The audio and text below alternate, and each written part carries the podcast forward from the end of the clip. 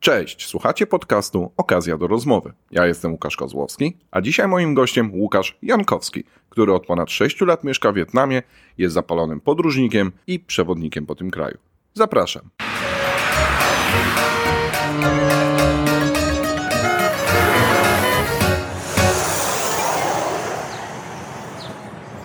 Dzień dobry Łukaszu, witam Cię w naszej tropikalnej scenerii baru Three Monkeys w Saigonie. Cześć. I dzisiaj porozmawiamy sobie troszeczkę o Twoim życiu, właściwie tylko o Twoim życiu w Wietnamie i przygodach, bo jesteś już tutaj od Będzie 7 lat w grudniu. grudniu Czyli- 7 lat. Będzie 7. I powiedz Łukasz, co się stało, że w Wietnamie tutaj życia szukasz? tak pa, parafrazując rymowankę. Jak, to, jak, do, jak do tego doszło? Tak, jak do tego doszło? Doszło bardzo spontanicznie. Ze, głównie jakby z, ze względu na moją żonę, tak? Em, Znasz nas obojga. Dodajmy wiesz, Polkę, że- dla tych, tak, co nas tak, e, oglądają, żona Polkę. Polka. Bo był poprzednio Krzysiek, który ma żonę Wietnamkę. Więc Zgadza się. Jak do tego doszło? E, tak, jak, jak tutaj trafiliśmy? No generalnie e, przyjechaliśmy. Zaczęło się od tego, że najpierw trafiła tutaj moja żona, wtedy jeszcze narzeczona. Polka, to musimy Polka, dodać. Joanna, tak. Tak. Pozdrawiamy zresztą serdecznie Annę, na pewno nas ogląda. I Janinę, to już od razu zdradźmy szczegóły. Joannę i Janinę, czyli, No Czyli rodzinę, córkę, tak. Czyli córkę. E, W momencie, kiedy przyjeżdżaliśmy tutaj, e, Janiny jeszcze z nami nie było, nie, by, nie byliśmy też jeszcze poślubieni, e, natomiast no, mieszkaliśmy w Krakowie, mieliśmy, e, myślę, całkiem przyjemne życie. E, Z, Janna, wtedy jeszcze moja narzeczona, nie żona, e, była zawziętą, zapaloną zawodniczką crossfit, uczestniczyła w bardzo wielu zawodach w Polsce, w Europie.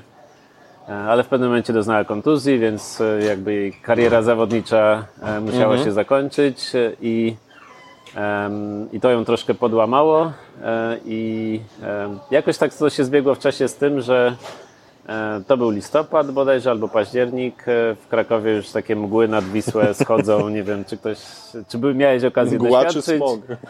Mgła. Można zażartować. Smok, smok tylko tam, wiesz, tam przy jaskini się czai. E, więc chodzą takie mgły, bywa dość chłodno i ponuro, e, a Janna zawsze lubiła jakby ciepło, ciepło i, i, i słoneczko. E, do tego jakby cała ta historia z kontuzją była, była trochę tym podłamana. E, No i spotkała w e, swoim miejscu pracy w siłowni e, swojego raz kolegę, którego zapytała Siema, co, co słychać u Ciebie, tak? I on powiedział, a wiesz, wyjeżdżam do Wietnamu, tak po prostu rzucił jej, jej znajomy. No i Zawsze nietypowa odpowiedź. tak, no a Joanna jako zawsze osoba, która jest jakby reaguje od razu i natychmiastowo i Tak. nie chowa się z emocjami, powiedziała super, to ja też chcę, tak? Więc no, krótka historia. Generalnie kolega przekazał kontakt tutaj do, do klubu sportowego. On miał wyjechać właśnie jako, e, tutaj jako trener e, do pracy. E, Joanna też była trenerem w klubie CrossFit. Więc dostała kontakt dosłownie na, na Facebooku, tak? czyli do, do profilu osoby, która tutaj zarządzała klubem. Wymieniła kilka wiadomości przez Messenger, bez żadnych. Tutaj mamy jakieś zagłuszenie. Ciekawe, czy to będzie, będzie słychać, ale Tak, mamy, jesteśmy w mieście, jesteśmy w środku centrum miasta, także no, przepraszamy żyje, wszystkich tak? za ewentualne... Jest poranek, także tak, miasto nie, no, nie, żyje. nie, nie możemy przes- przepraszać za to, że miasto żyje tak w swoim życiu. E, tak, więc, e, więc dosłownie wymieniła kilka wiadomości na Messengerze, bez żadnych wideokonferencji. E, dostała od razu zaproszenie, super, przyjeżdżaj. E, dostała bilet e, na wyjazd za miesiąc i w wielkim skrócie spakowała się i, przyjechała tutaj w ciągu miesiąca. Chciała, żebym od razu też jakby rzucił swoją pracę, którą wtedy miałem w Polsce w korporacji. Przyjechał z nią od razu, ale no ale powiedziałem, żeby najpierw jakby przyleciała tu i zobaczyła, czy da się tu mieszkać, czy jest, e, czy jest miło. Przyleciała, powiedziała, że jest ciepło, pięknie, mili ludzie, dobre jedzenie. Tak. e, e, Odebrano ją Porsche z lotniska, więc to też była. A, okej. jakby- Nie motorem. to też było na plus pewnie. Od razu na wejściu Tak, miło. tak. Ale ciebie też później odebrano Porsche, czy... Nie, nie, właśnie ja już tego nie. A, Ja już takich luksusów nie, nie doświadczyłem. E, więc ja, ja dołączyłem do niej po dwóch miesiącach. E, bodajże mniej więcej po dwóch miesiącach, no i, no i tak się tutaj znaleźliśmy w wielkim Miesiąc- skrócie, czyli bez, e, że tak powiem, planowania, planowania gdzieś tam wyjazdu do Azji, em, fascynacji też wcześniejszej Mhm. Azją. Bardzo dużo podróżowaliśmy od zawsze, jeździliśmy gdzie się dało, kiedy się dało. Em, Ale do Azji nigdy ale, wcześniej ale w nie. Azji nigdy wcześniej nie byliśmy, e, więc to nie, no, to nie było tak, że jakby, że marzyliśmy o tym wyjeździe tutaj specyficznie do Azji albo, albo gdzieś byliśmy zafascynowani kulturą, bo to wszystko dla nas było po prostu nowe i od zera tutaj. I zafascynowanie przyszło później. No, myślę, że od razu, tak? Od momentu wyjścia, wyjścia na lotnisku do każde jakby kolejne później e, doświadczenie, tak? Powiedz jeszcze, a jaka jest, to była taka ta reakcja? No bo powiedzenie, ja pamiętam sam jak mówiłem, że, że wyjeżdżam do, do Wietnamu, to, to reakcje były często wręcz takie z przerażeniem patrzenie, i- wiadomo z czym się Wietnam kojarzy raczej w Polsce. Jak to było po Twojej stronie? No jesteś geografem, więc tutaj Ty akurat pewnie strachu przed krajem nie miałeś, ale jak rodzina reagowała, że nagle latujecie na drugi koniec świata?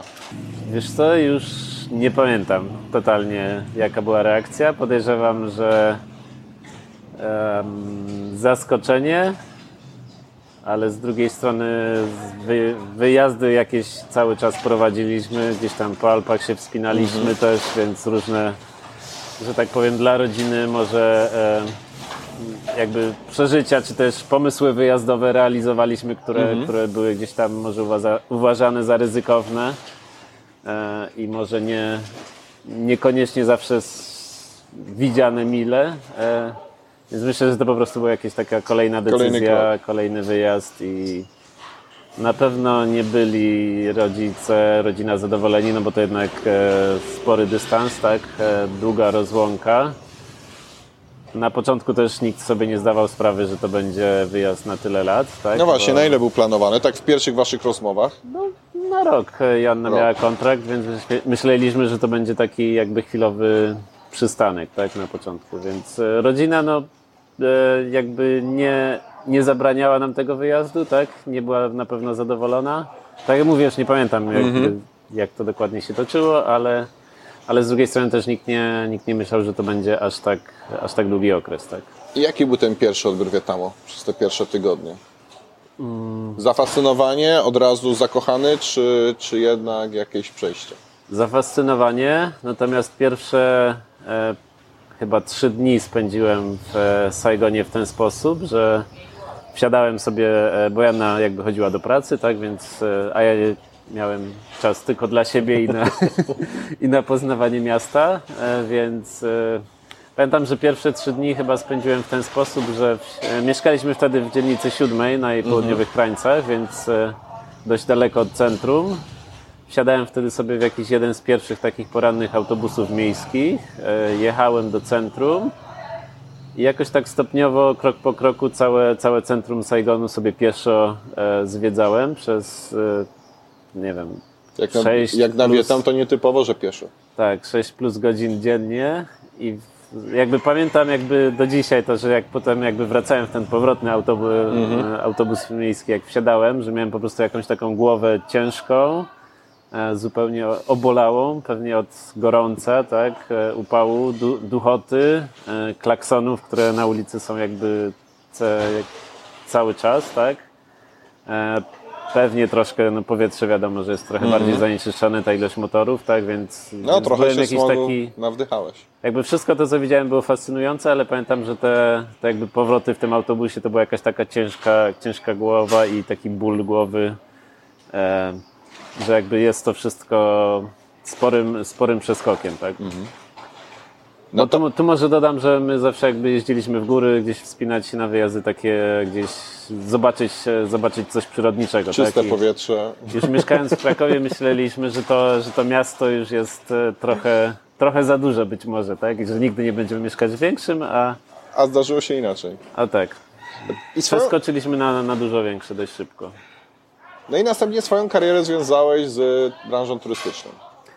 Tak, no najpierw e, jakby ten chyba pierwsze pięć miesięcy pobytu tutaj spędziłem e, podróżując po kraju i, i okolicznych krajach, e, bo wtedy jeszcze nie miałem tutaj pracy, więc miałem, miałem Czas. dość dużo czasu wolnego.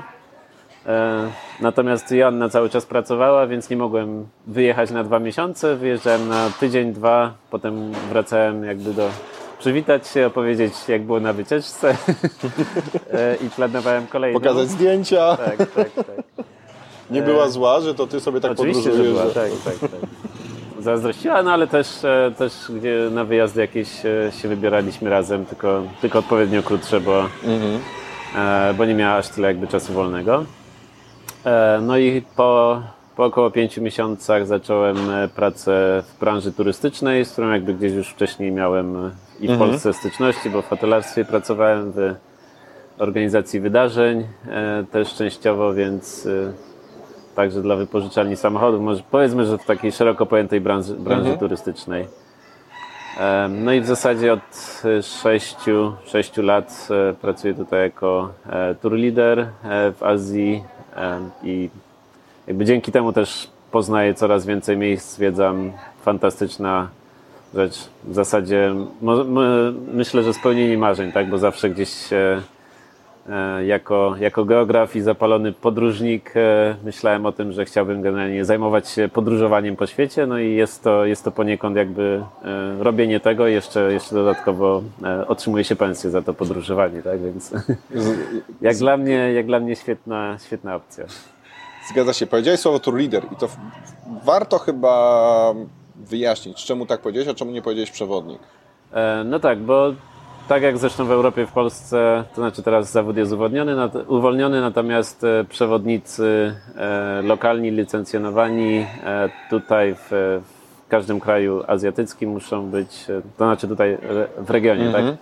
E, Muszą być obywatelami danego kraju, Dokładnie. tak? Więc nie jestem przewodnikiem, jestem, jestem tour liderem. Tak, czyli zawsze prowadząc wyjazdy, tak samo kiedy my prowadzimy też, jest zawsze lokalny przewodnik, który swoją pracę wykonuje, a to jest taka opieka nad grupą, ale jednocześnie też przekazywanie mnóstwa informacji. I które kraje? Okej, spytam w ten sposób. Zjechałeś większość regionu Azji, można tak powiedzieć, obecnie? No tak, nie, nie, byłem, nie byłem w Chinach, Japonii i w, nie wiem, gdzieś tam dalej w Indiach, tak? E, Tutaj. No, z regionu tu nietypowy kraj, w którym chyba jesteś jedyną osobą, która wiem, że to była, to jest Brunei. Tak, byliśmy z Joanną w e, 2017-2018 roku. Jakiś czas temu na pewno, ale byliśmy. Bardzo, bardzo ciekawe miejsce, natomiast e, myślę, że na, na krótką wizytę, tak ze względu też na powierzchnię, No tak. E, Teraz nie przytoczę jakby powierzchni kraju, ale, ale jest e, Królestwo Brunei jest naprawdę niewielkie. Trzymy tutaj na dole, na ekranie. Tak. Gdzieś pojawi się. Adrian wstawi. E, Znajduje się na wyspie Borneo, która jest niesamowitym jakby miejscem do odwiedzenia jako taka. E, No i Brunei też jest jakby przynależy, jest cząstką tego, tego Borneo, więc e, widzimy tam poza jakby bogactwem królestwa, bo było to swego czasu jedno z najbogatszych państw świata. No poza jakby bogactwem widzimy też e, jakby tę fa- tą fantastyczną przyrodę, tak? Można w zasadzie ze stolicy, w stolicy pójść na przystań, wsiąść w małą łódeczkę, która w szybkim rejsie zabierze nas, nas już na morzyny, możemy w Warany tam podglądać ptactwo, zgubić się w zasadzie w takiej plątaninie kanałów od razu w, w dżungli niemalże. Więc e, ciekawy kraj. E, może od razu też e, warto zaznaczyć, że kraj e, muzułmański, e, czyli alkoholu nie kupimy. Dla części osób jest to gdzieś tam istotny element może e, e, Minus- odczuwania minus wyjazdu. wycieczce. Tak? Ale Więc- też wiesz, chodzi o to, że czasami no, w tych upale usiąść wieczorem, napić się jakiegoś schłodzonego zimnego napoju, to jest przyjemne, więc rzeczywiście czasami to doskwiera. No ale, no, ale jakby tak z, w związku z tym e, pojawiają się też, że tak powiem, utrudnienia na przykład w podróży. Już nie mówię teraz o alkoholu, na, natomiast o, o, o fakcie bycia państw, e, krajem stricte muzułmańskim. E, w piątek, w południe, e, jakby święty okres e, dnia i, i jakby czasu w e, tygodniu jakby muzułmańskim. E, Więc e, nawet po pierwsze, e, bo nasz lot wylotowy z Brunei był w piątek po południu, więc nie mogliśmy w żaden sposób dostać się na lotnisko, bo gdzieś od godziny bodajże 10.30 chyba nie funkcjonował żaden transport, żadnej taksówki nie można było sobie zamówić.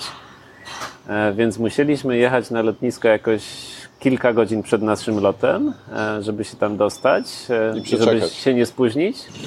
A na lotnisku, jak już dojechaliśmy, dosłownie wszystko tak samo było zamknięte, więc Dobrze, że samoloty chociaż obsługiwali. e, no właśnie nie było też żadnych przylotów i odlotów. A, e, w tym czasie, W ogóle w tym okej. czasie, tak? Więc zupełnie jakby e, nic się, czas przeznaczony na, na modlitwę wtedy, tak? E, e, I na, i na jakby zajmowanie się rzeczami nieprzyziemnymi, e, więc e, na lotnisku też wszystkie kawiarnie. Po pierwsze zero przylotów, odlotów w tym, w tym momencie, więc też nie mogliśmy się zaczekinować, tak? E, musieliśmy czekać. Loty były po prostu tak ułożone, że bodajże od drugiej otwierały się czekiny na, na loty i dopiero później jakoś chyba około 16 był, był Okej. ten lot. Więc to jakby też Polecasz Brunei na odwiedziny? Jak ktoś już E, przyleci do Azji, jako taki punkt. Jak, Bo myślę, że wiele osób albo nawet nie wie o tym kraju, albo nie planuje. Jak się myśli o Azji, no to jest Filipiny, Wietnam, Tajlandia, tak, ale to Brunei jest takie. E, Myślę, że warto podskoczyć jako ciekawostkę, jeśli ktoś ma czas. E, Natomiast no, trzeba mieć czas, tak? E, I trzeba.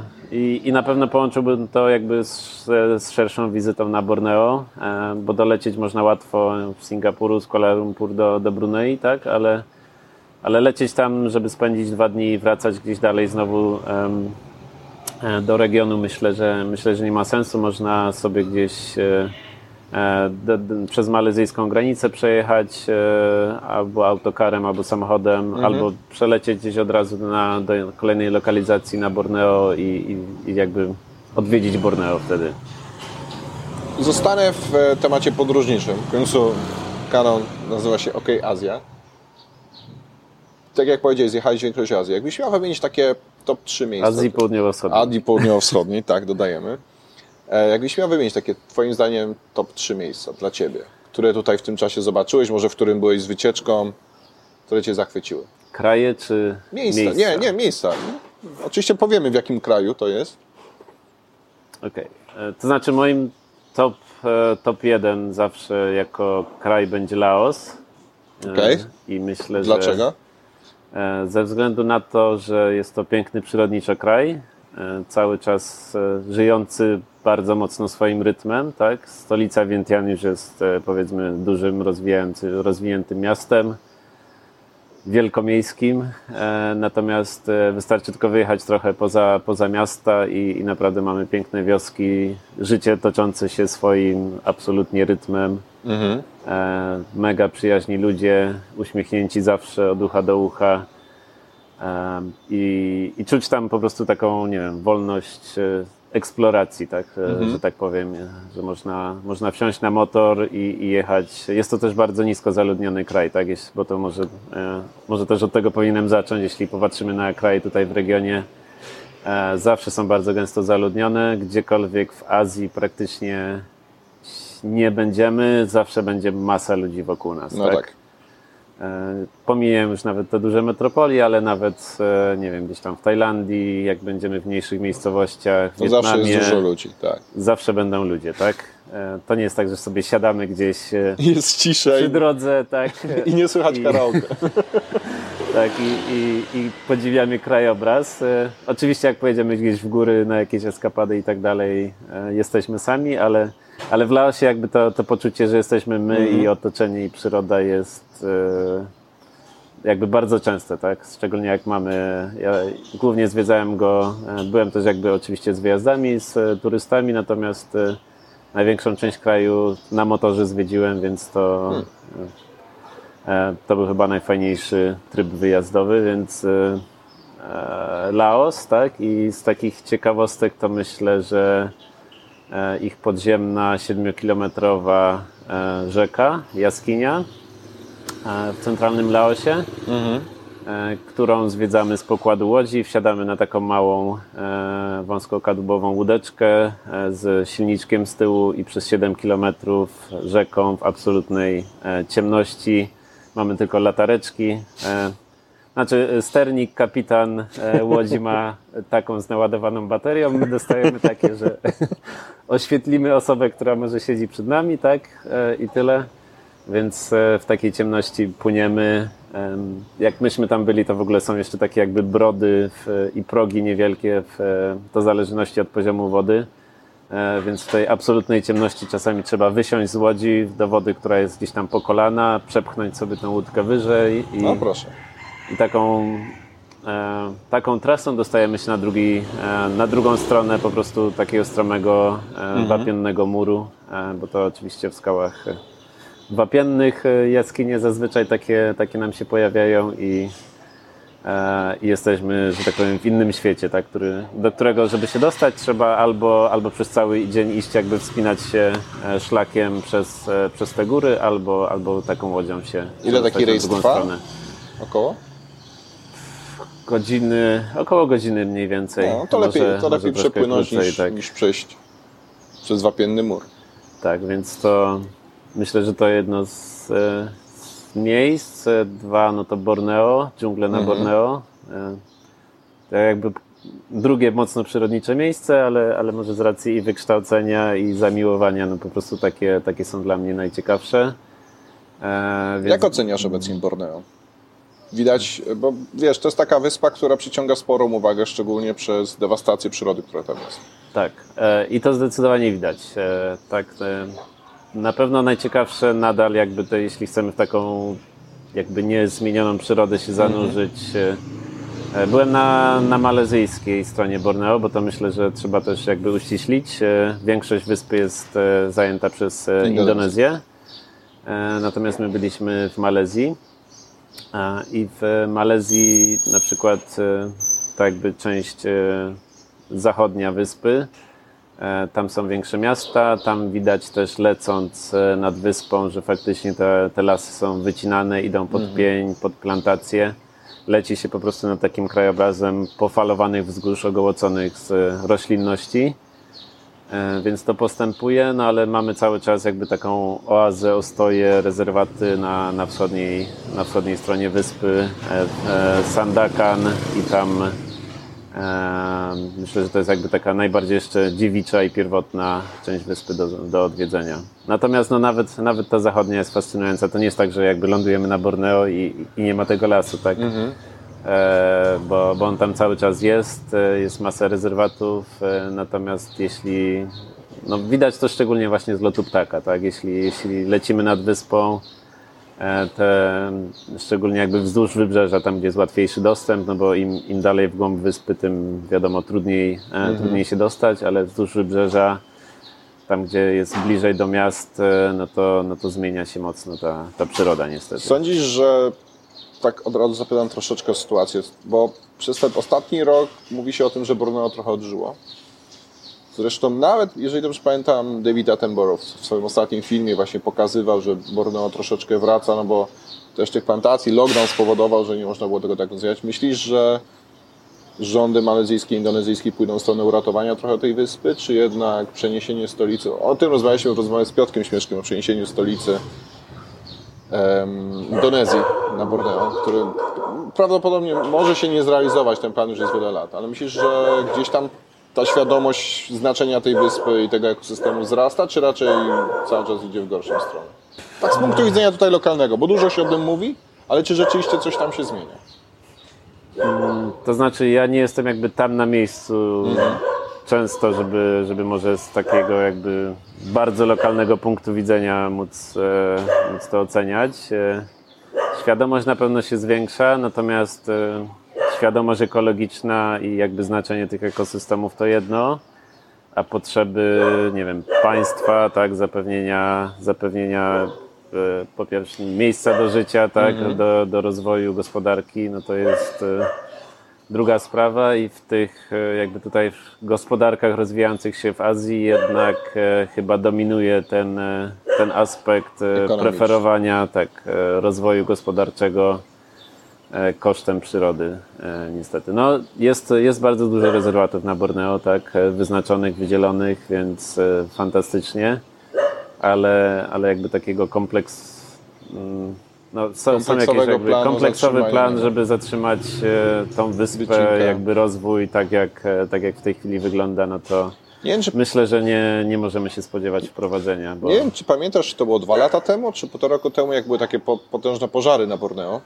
I wtedy nawet ta fala zadymienia, to nawet nad Saigonem spowodowała, że powietrze było żółte.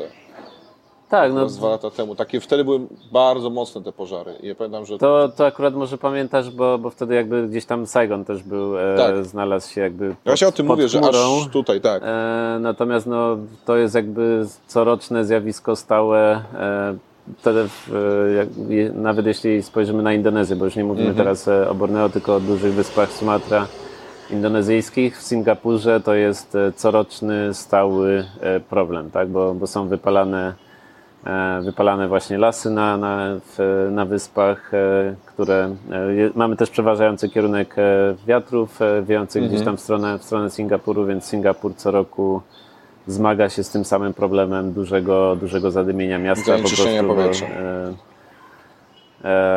bo są te pożary, z jednej e, one częściowo jakby są naturalne, tak, bo, e, bo jakby gdzieś, gdzieś te pożary w lasach e, w porze suchej się, e, czy tam, tam bardziej suchej, tak, bo, bo nie ma takiej stricte pory suchej, Mhm.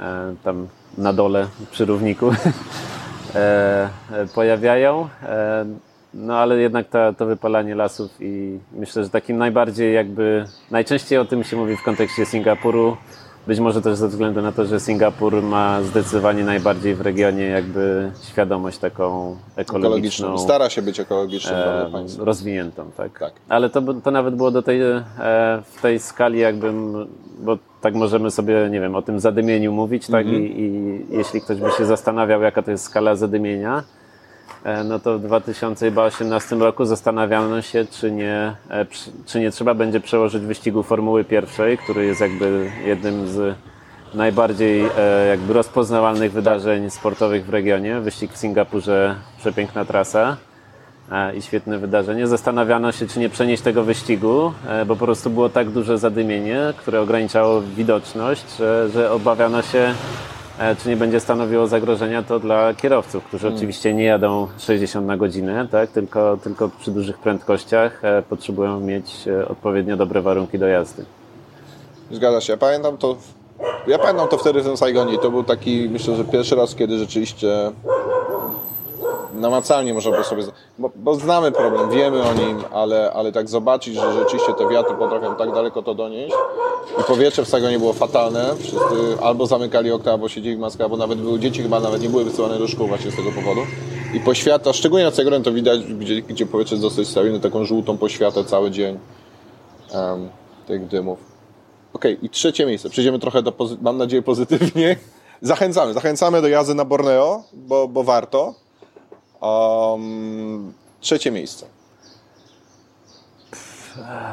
Em, Birma, myślę. O. E,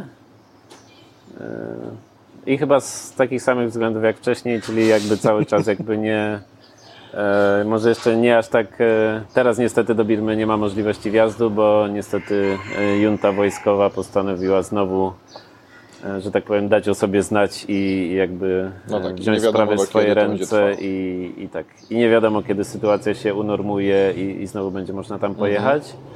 Natomiast no, mieliśmy, mieliśmy bardzo, bardzo fajny okres w zasadzie od powiedzmy 2013-2014 roku. E, można było do Birmy faktycznie e, pojechać, no i do, e, do ubiegłego roku e, to był okres, kiedy można było e, ten kraj zwiedza- zwiedzać. No ale to cały czas jakby była nieduża skala turystyki, więc mieliśmy ponownie takie miejsca, które, że tak powiem, odkrywaliśmy dopiero, tak? I, e, i, i, i myślę tak, że okolice jeziora Inle e, bądź Bagan z ponad tysiącem fantastycznych świątyń, które po prostu no, leżą E, w- Można by tak powiedzieć, tak, że leżą porozrzucane tam e, co kawałek, można by niemalże potkno, potknąć się e, co kawałek o taką świątynię, bo, e, bo są po prostu gdzieś, gdzieś zarośnięte bardziej, mniej. Jest, jest ich tam tyle, że to jest niesamowite miejsce pod względem takim jakby historycznym, tak. Czyli można powiedzieć po tych trzech miejscach, że człowiek mieszkający w 10-milionowym mieście, które cały czas jest w ruchu, uwielbia wyjechać i uciec od tego No ja na pewno, tak. jestem tym typem tym człowieka, dlatego, dlatego też jakby te, te miejsca wydaje mi się są na tym, e, na tym top 3 moim. Z tym też się zgodzę, bo nawet e, doceniam za każdym razem, kiedy gdzieś można pojechać i odpocząć od tego poziomu hałasu, który jest w Saigonie.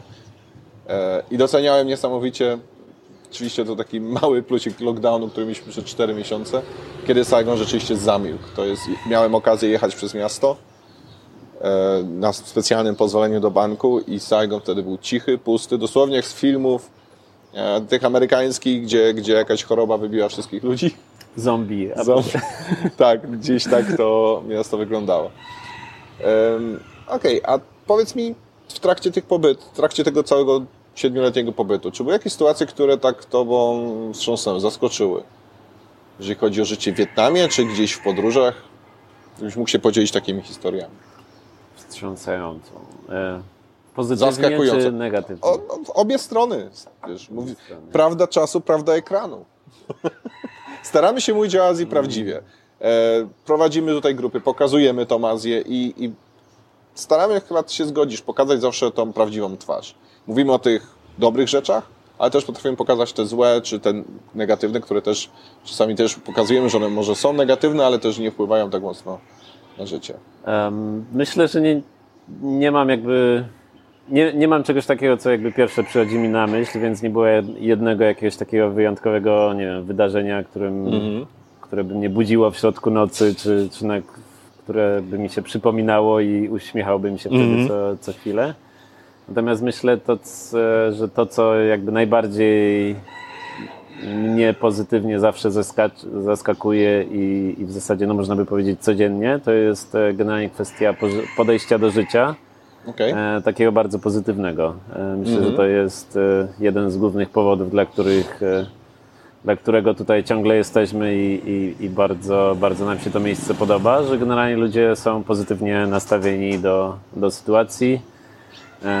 Polska słynie być może mniej, być może bardziej z, z tego, że lubimy sobie ponarzekać, tak? Na, To chyba ten efekt klimatu. Ja zawsze na jest różne, efekt na różne, tak, na różne kwestie. Tutaj no, narzekania też można, też można spotkać, tak? ale generalnie takie podejście na co dzień jest, jest pozytywne. E, Jak nie wiem, coś się niefortunnego stało, no stało się, no tak trudno, stało się. Duchy. Tak, Duchy. Mówiliśmy tak. o tym. Mówiliśmy o tym dwa odcinki temu, o przesądach i, i tym wierzeniu, że jak coś nie idzie, to na pewno duchy. To trzeba Tak. odpalić. Więc, więc można kadzidełko zapalić, można jakąś wróżbę e, z, z jakby zorganizować, e, co, jakieś przynoszące szczęście e, czynność wykonać, tak. E, Natomiast no, stało się, stało się. No, nic nie odstanie się, że tak powiem, tak? Więc, e, więc e, idźmy dalej, tak? Nie, nie, nie roztrząsajmy tego, co się stało i, i po prostu e, to jest chyba dla mnie jakby takim najbardziej pozytywnym, jakby stałym elementem e, całego tutaj regionu, tak? E, Z drugiej strony można to też na, e, jakby zaklasyfikować do, do negatywów, tak? Bo wiele osób powie, że, że takie jakby nie wiem, brak, brak przejmowania się pewnymi rzeczami, czy to kwestiami bezpieczeństwa, e, czy innymi, tak, że no, nie wiem, że miało się coś stać, a to się na przykład nie No stało. dobra, a nie przejmowanie się w bez, kwestiami bezpieczeństwa rozwiń, bo to może być dosyć niejasne. O czym mówisz? Znaczy może inaczej, a propos tego, że coś się, e, coś się miało stać, a się nie stało, tak? Więc e, można to jakby uznać za pozytywną rzecz, no bo Mhm. nie udało się, no trudno, tak? Natomiast jeśli, nie wiem, prowadzimy biznes i chce, chcieliśmy, chcielibyśmy, żeby coś się stało, a tutaj ktoś nam przychodzi, no nie udało się, tak? E, bo tak, bo coś, bo, bo nie wiem, tak? E, Bo akurat zamknięte nie działa, e, nie wiadomo. E, no to wtedy być może to nie jest, e, to nie jest jakby pozytywna wiadomość dla kogoś, kto, kto chciałby, że nie wiem, dla, dla kogo to było istotne, żeby Ale- takie, Tak. taka To, sytuacja się wydarzyła. to mi teraz skojarzyłeś, że w ogóle to często jest tak, jak ma się pracowników, czy współpracuje się z Wietnamczykami. Oni czasami mówią, że nie, po prostu się nie dało. Jakby temat zamknięty. Tak. Nie ma przez tą osobę pomyślenia, okej, skoro tu się nie dało, to może pójdę gdzie. Nie, tam się nie dało. Słuchaj, wró- wróciłem, było zamknięte. Byłem, sprawdziłem, nie ma, nie działa. Mogę iść na hamak. Tak. E, no, nie wiem, kwestie bezpieczeństwa, no to, e, no to jakby też, e, też jakby czasami widać brak, e, nie wiem, czy to jakby z szerszego spojrzenia, czy zastanowienia się, co by było gdyby, tak? Na, to jakby zacznijmy od, e, to widać i w ruchu ulicznym, tak? Jak Mhm. niektórzy jeżdżą jak, jak szaleni, nie wiem, nie noszą, e, nie noszą kasków, dzieci, niemowlaki jeżdżą gdzieś tam na ręce. Widziałem kobiety z niemowlakiem, w jednej ręce niemowlak, drugą jedną ręką prowadzi skuter, e, tak, więc e, no, myślę, że to, to nie są pozytywy. E, to jest jakieś niedbalstwo, brak wyobraźni. e, No chyba bardziej brak który- wyobraźni. Wydaje mi się, że to nie jest niedbalstwo, to jest bardziej, że oni sobie chyba nie zdają sprawy, że tak, coś zda- się może wydarzyć. Nie, zda, nie zdawanie Babka tak sprawy, jeździła, tak. mama tak jeździła, to ja też tak jeszcze. Więc, e, więc to jest jakby z takich, z takich sytuacji, których, e, których nie popieram i które mnie zawsze gdzieś tam może, e, nie wiem, Mhm. może nie tyle mnie stresują, bo też się jakby jako, nie stresuję praktycznie nigdy, więc Tak, to myślę, możemy że pod tym kątem Łukasz jest, znamy się długo, Łukasz generalnie się nie Tak. stresuje. Tak. Że pod tym kątem idealnie jakby tutaj się wpasowałem w, w klimat miejsca. E, No, tak, ale- bo przy tak. pracy to pomaga. Tutaj niestresowanie się, zachowanie czasami zimnej krwi. Szczególnie cho- chociażby w pracy turystycznej, gdzie tych zmiennych może być wiele, nie? I, i, I od strony turystów, i od strony tych, którzy pewne usługi wykonują. No tak, no a jakby też nie możemy jakby pokazać, e, nawet jeśli się tym zestresujemy, to nie możemy pokazać, że, że nas to jakby Mhm. mocno zdenerwowało, bo tutaj jakby gdzieś ta złość jest e, od razu bardzo źle odbierana i Tak. nic, e, nic nie załatwimy wtedy, więc musimy po prostu przytakiwać, no nie udało się, nie udało się, ale, ale zróbmy coś z tym, tak, a nie, a nie jakby z pretensjami gdzieś do kogoś od razu się, e, się kierować, tak. Więc... Miałeś jakieś trudne takie właśnie sytuacje w czasie prowadzenia swoich grup? Coś E. takiego, że no, ta zimna krew nawet zaczęła się gotować? Miałem różne, e, zawsze Takie, się o których możesz opowiedzieć. Tak, no, myślę, że chyba taka najbardziej, najbardziej przeze mnie zapamiętana to jest jak w Kambodży wybieraliśmy się z grupą na rejs. Aha.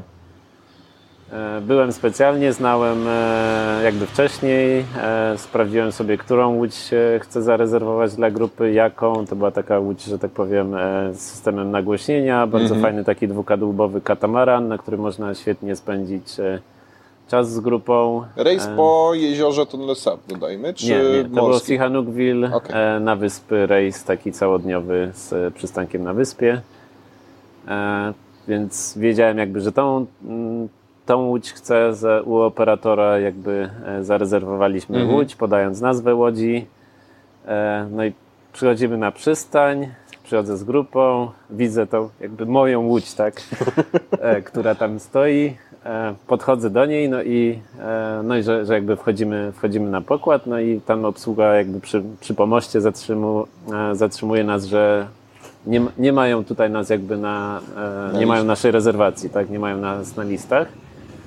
E, No i gdzieś tam szybki telefon do, do operatora, tak, który mówi, że, że łódź na nas czeka, tak? Tylko, że mamy prywatną łódź, e, bo tam ta duża, fajna łódź e, była jakby też dostępna dla innych, innych klientów, więc było tam kilka, kilka osób innych. No i wtedy jakby stoję sobie jakby na pomoście, za mną 40 osób, które już jakby widzi tą piękną, fajną I słyszała, łódź że to i będzie czeka, piękna, tak? fajna łódź. że to będzie przygoda dnia i, i tak e, na tej łodzi. E, No i wtedy się dowiaduję przez telefon, że mamy prywatną łódź, e, mniejszą, ale tylko dla nas, tak? I wtedy patrzę jakby na drugą stronę, a tam stoi taka dość wiekowa łajba, tak? Która ma może, nie wiem, z 20 miejsc siedzących, Nie ma systemu nagłaśniającego. Pe pewnie jest tam jakiś pan z kartonem Mikrofonem. e, styropianowym i, i zimnymi napojami, ale, ale generalnie no, jakaś taka sytuacja, którą rozwiąza, rozwiązałem oczywiście gdzieś tam. Musieliśmy postać może 30 minut e, na tym pomoście, że- zanim to się rozwiązało, ale, ale koniec końców e, po prostu weszliśmy na tą łódź, którą, którą chcieliśmy, ale, ale tłumaczenie jakby cały czas operatora, że on chciał jak najlepiej dla nas, że dostaliśmy prywatną łódź, że, że po co z innymi turystami, bo przecież tutaj mamy dla nas, e, dla nas swoją, e, było, było dość dziwne, że tak powiem. No, to jest w ogóle ciekawe, że czasami ci ludzie, którzy są tutaj lokalni, przygotowują wyjazdy, oni, nie, oni są zaskoczeni, że my chcemy pokazać e, takie bardzo lokalne rzeczy, które dla nich są normalne. Oni czasami to, nie no ale po co wy jesteście z zagranicy, to tam dla was to lepsze. I trzeba ich przepychać, nie? Żeby, żeby, nie, ale my chcemy tak, dokładnie to, tu ma, tak, dokładnie ma być ten ryż zwykły, nie, nie ma być e, pizza, tak. ma być zwykłe jedzenie. No czasami tak bywa, że jakby próbuje się nam zaserwować e, western, western set tak, w tak. restauracjach lokalnych. My specjalnie idziemy do restauracji lokalnych, żeby żeby eksplorować tę kuchnię, która jest no tak, fantastyczna. Tak, bo tu tak? dodajmy, że te większe restauracji ma set taki zachodni dla tych, bo jest sporo turystów, którzy nie chcą jeść lokalnego jedzenia e, i wtedy mają jakieś tam pizzę, makarony, coś takiego. To znaczy rozmawiamy o restauracjach w miejscach turystycznych, tak? tak? No, tak, bo, tak, no tak. bo one będą miały taki wybór. Jeśli jesteśmy poza miejscem turystycznym, no to restauracja ma zawsze swoje, tak. swoje menu stałe i, i po prostu trzeba tam coś wybrać, ale ale w tych miejscach turystycznych tak, czasami stara się nam, czy tam domyślnie e, jakby dostajemy, dostajemy jakieś takie właśnie zestawy z znanymi nam z Europy daniami, których e, myślę, że nie ma sensu tutaj Próbować. jeść, bo kuchnia tutejsza jest e, fantastyczna.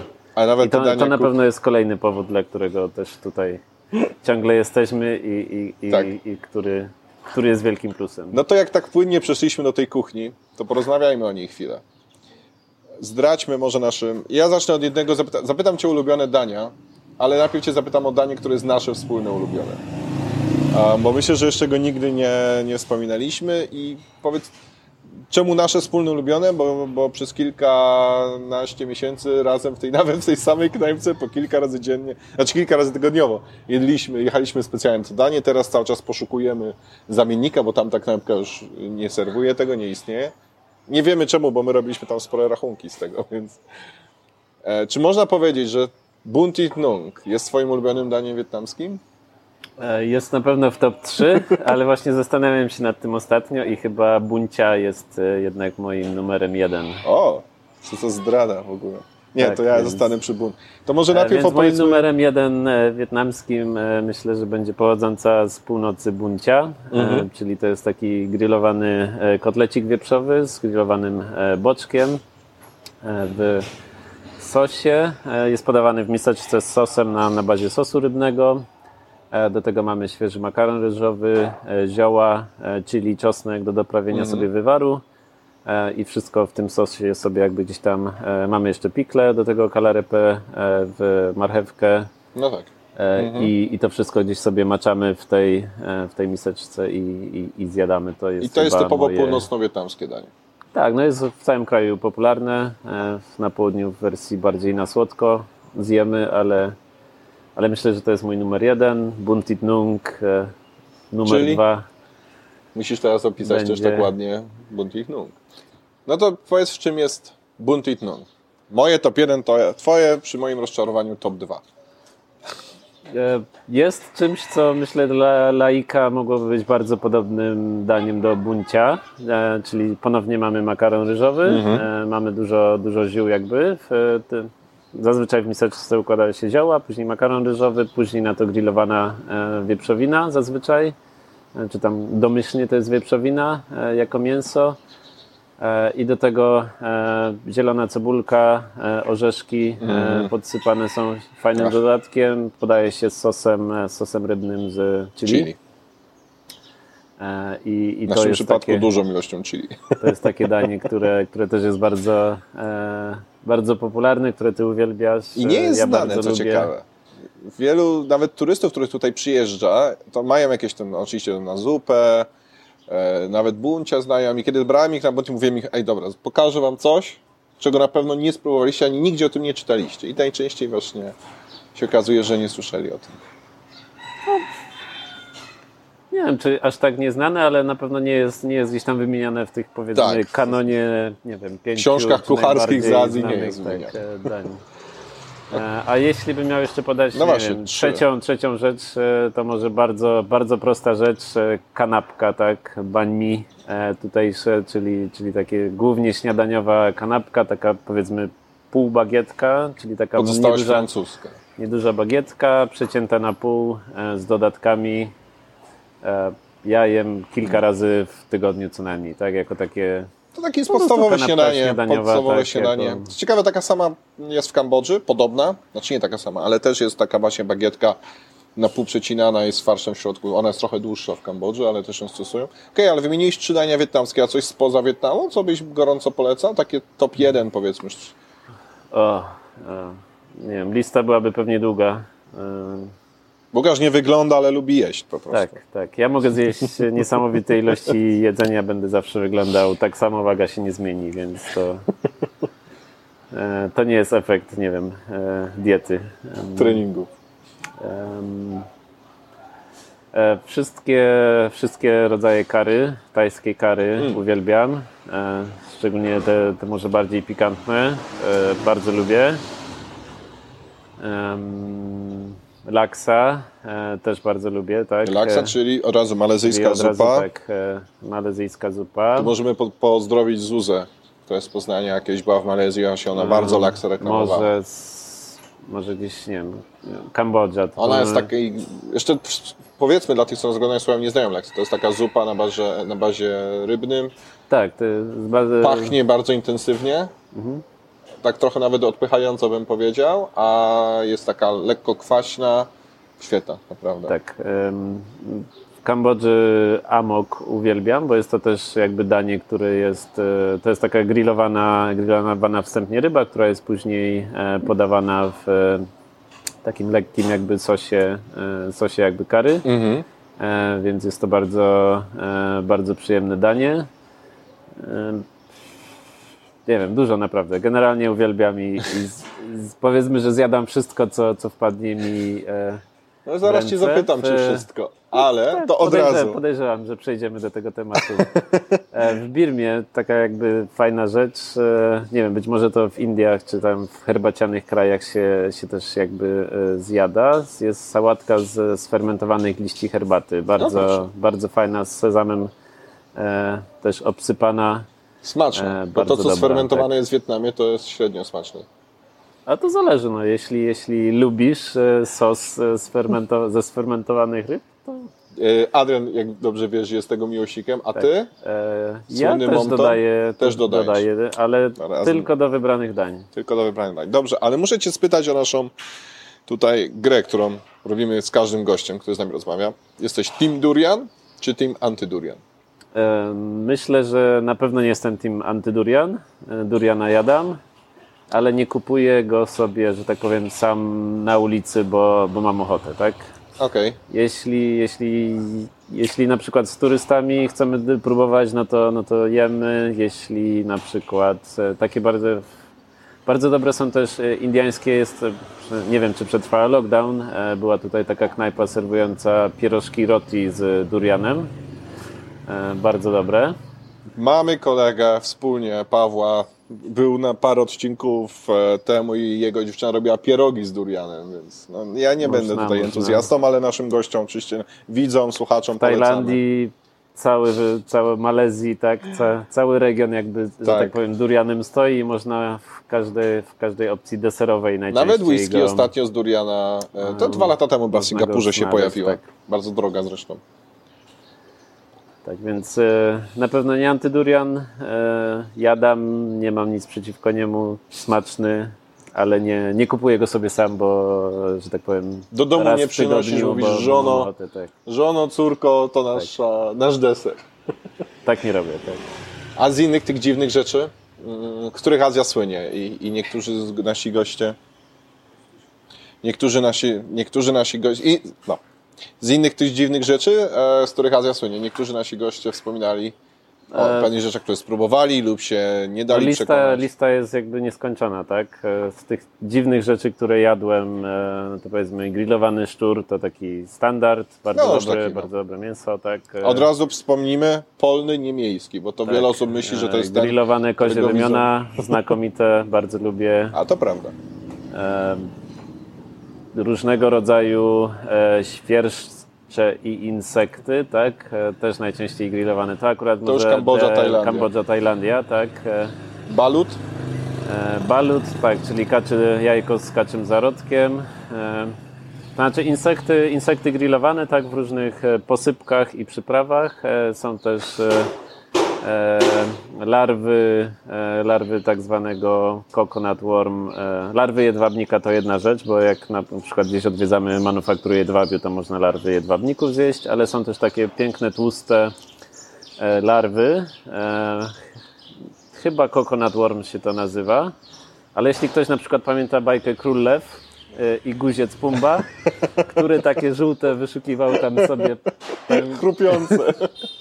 to dokładnie coś takiego e, w sosie rybnym. To ja mogę powiedzieć, że w E, takim razie takiej- taki food trip, w którym będziesz jadł ty i Adrian. Adrian jest tym od tej tradycyjnej kuchni, czyli z nim obiady, a z tobą kolacje, nie ty. Desery.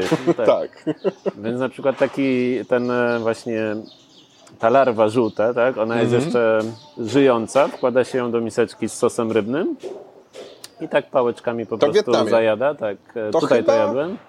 Jeżeli dobrze pamiętam i Adrian, który jest za kamerą, może do mnie powie, czy to nie jest to, co Adrian próbował w szokujących potrawach, kiedy nagrywał z y, TVN-em taki program? kilka różnych rodzajów tam było, także Ale były takie właśnie larwy w sosie, coś ten, jeszcze żyjące.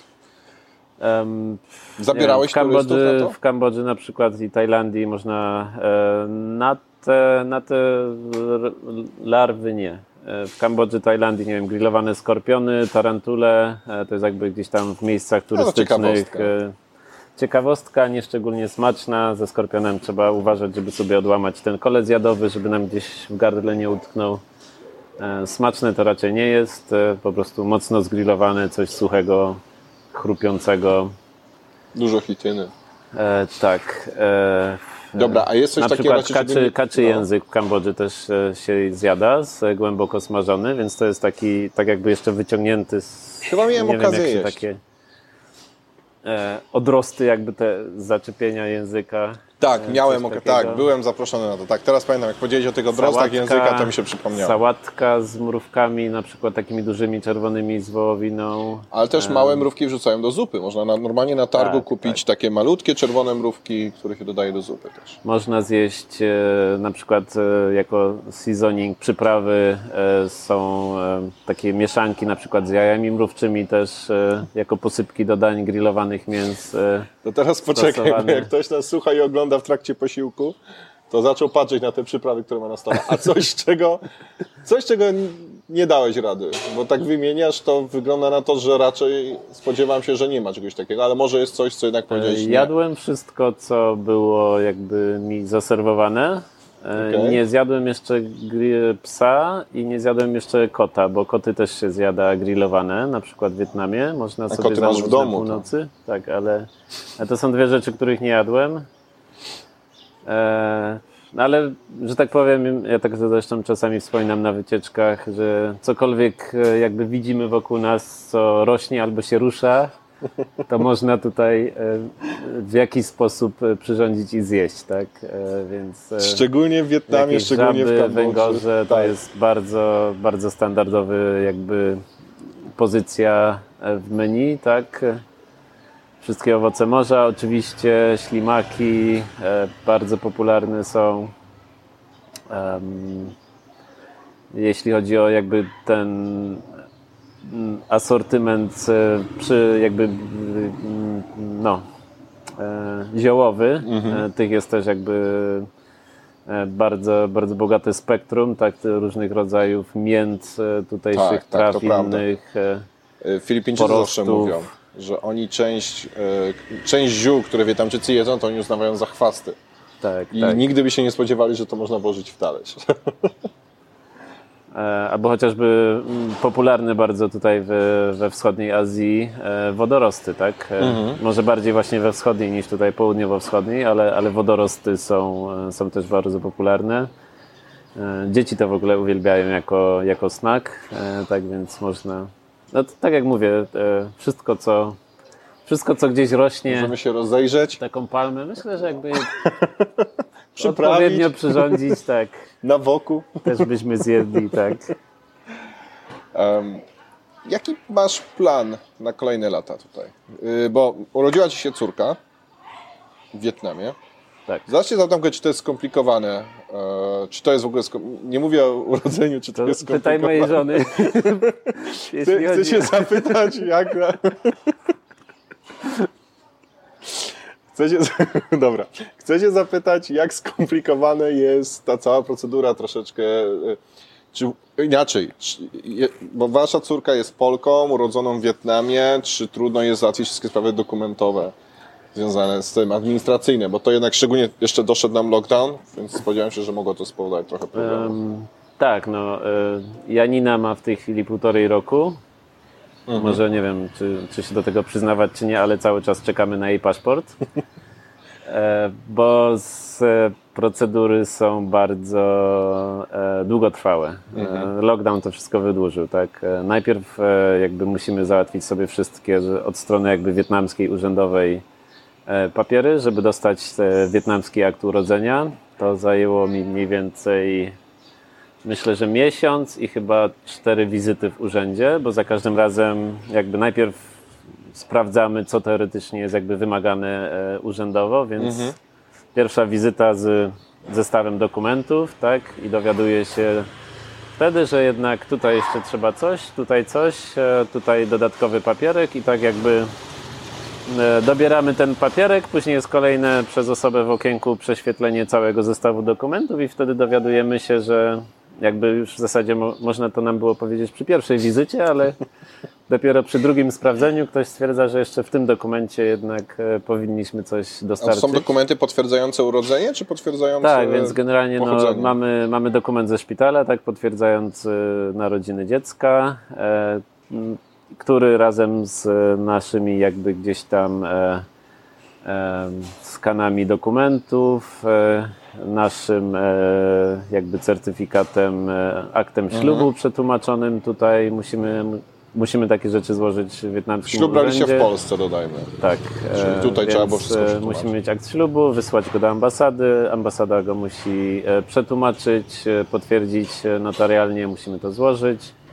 E, Ciekawostka, e, jakby tutaj urząd wymaga też e, potwierdzenia z ambasady, że nasz, nasza ojczyzna, tak, że kraj, że Polska nie ma nie ma jakby nic przeciwko przyznaniu polskiego obywatelstwa naszej córce, gdzie oboje jesteśmy Polakami, tak? Okej. i mamy tylko i składamy polskie paszporty, natomiast musimy jeszcze dodatkowo przedłożyć dokument z ambasady, że Rzeczpospolita Polska nie ma obiekcji co do przyznania polskiego obywatelstwa naszej córce. E, Gdyby, nie wiem, gdyby ambasada stwierdziła, że ma obiekcję, to nie wiem, jakie obywatelstwo by miała Janina, bo wietnamskiego nie może uzyskać. No tak, to jest prawo krwi, więc E, nie tak, ma szans. e, no ale na szczęście nie było, nie było obiekcji, więc... Nie zgłosiła Polskowic. Więc mniej więcej po miesiącu otrzymaliśmy akt urodzenia, wysłaliśmy go do ambasady, ambasada wysłała go do Polski, to wszystko się działo w czasie lockdownów e, e, i jakby ten polski akt urodzenia dodał chyba do, dotarł do ambasady po około 7 miesiącach. Później umówiliśmy się, bo aby aplikować o paszport musimy osobiście e, się s- jakby spotkać z konsulem. To też było ostatnio niezbyt możliwe. Tak, więc e, byliśmy umówieni na wizytę, która była później anulowana, później kolejną, e, później zaczął się następny lockdown, no i tak się to wszystko. No tak, bo, bo, bo tak naprawdę Ciągnie. w Wietnamie od stycznia czy od grudnia jesteśmy takim, byliśmy co chwilę w lockdownie albo krótkim, a później już tym kilkumiesięcznym. Czyli generalnie no, z dokumentami nigdy nie jest prosto, kiedy się żyje za granicą. No nie, Trzeba nie, coś zdecydowanie załatwiać. Em, to jakie plany macie?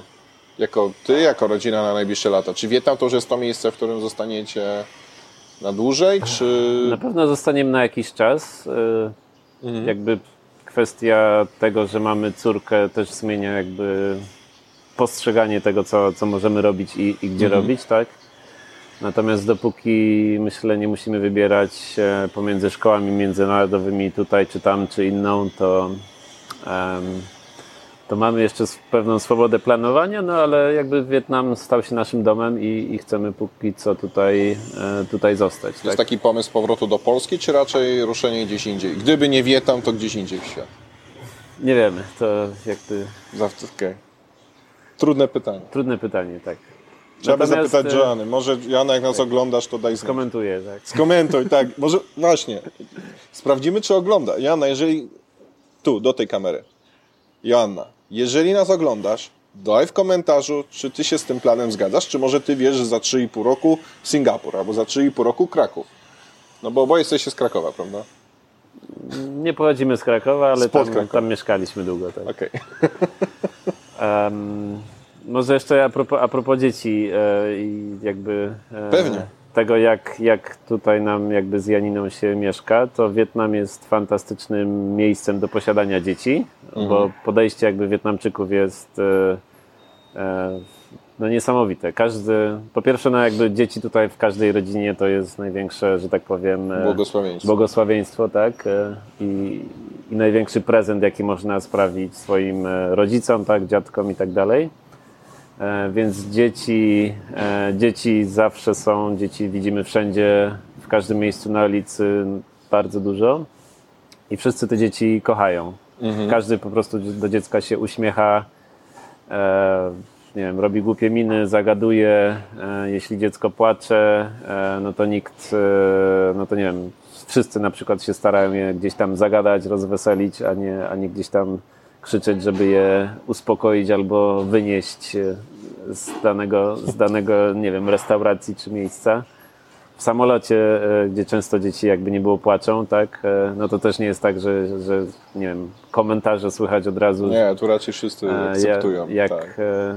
jak można w ogóle z tak niewychowanym dzieckiem wsiadać do samochodu, tylko tutaj no, wszyscy się gdzieś tam też starają pomóc, tak, że tak powiem.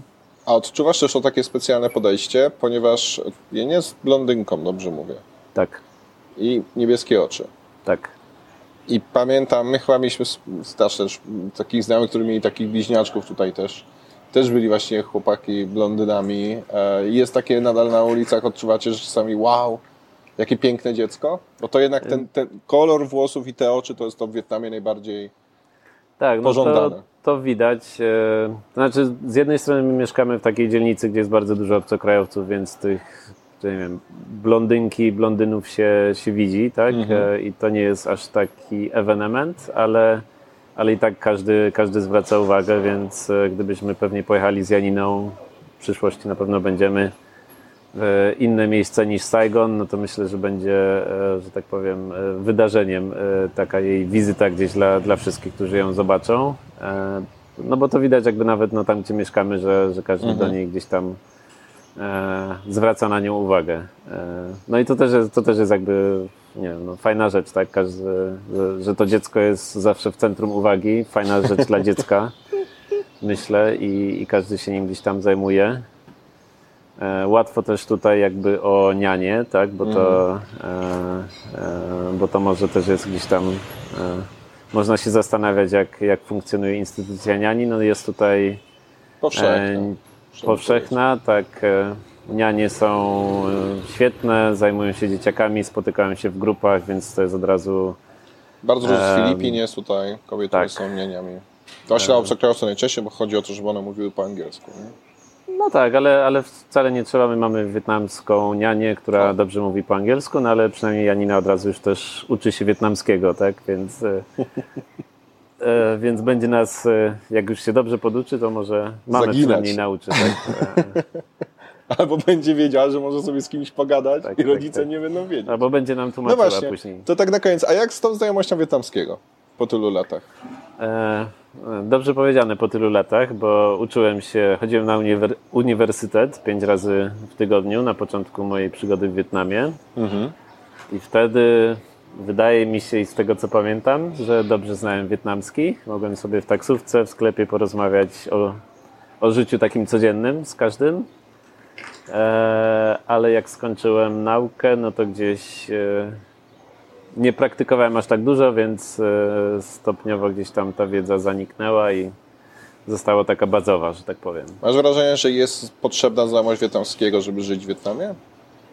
E, wiesz co, potrzebna nigdy nie jest, ale jest niesamowicie przydatna, tak? Pod względem jakby rozumienia otoczenia, kultury, e, już nawet nie mówię o napisach na szyldach, tak? Ale, ale no, dużo więcej wtedy rozumiemy, tak? Nie jesteśmy, że tak powiem, e, e, ignoran...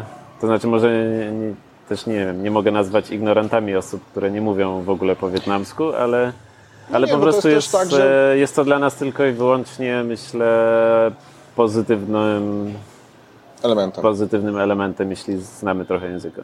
No szczególnie, że trochę znamy. Nie można powiedzieć, że zupełnie nic nie potrafimy. Potrafimy się dogadać gdzieś tam. Na... Bo ja mam gdzieś podobny, myślę, poziom. Ehm, Nie jesteśmy jak nasz kolega Adrian płynni. Natomiast y, zauważam, że rzeczywiście wymienienie nawet paru zdań już powoduje, że spotykam się z coraz większą sympatią. A jednak gdzieś tam na targu czy w restauracji ta podstawa pomaga. To, to tak na sam koniec, gdyby ktoś myślał o wyjeździe, a nigdy nie był, i chciałbym powiedzieć tak, panią, po tym, po tym nagraniu, panie Łukaszu, chcę z panem jechać, to od czego mam zacząć? Gdzie pierwszy port przylecieć?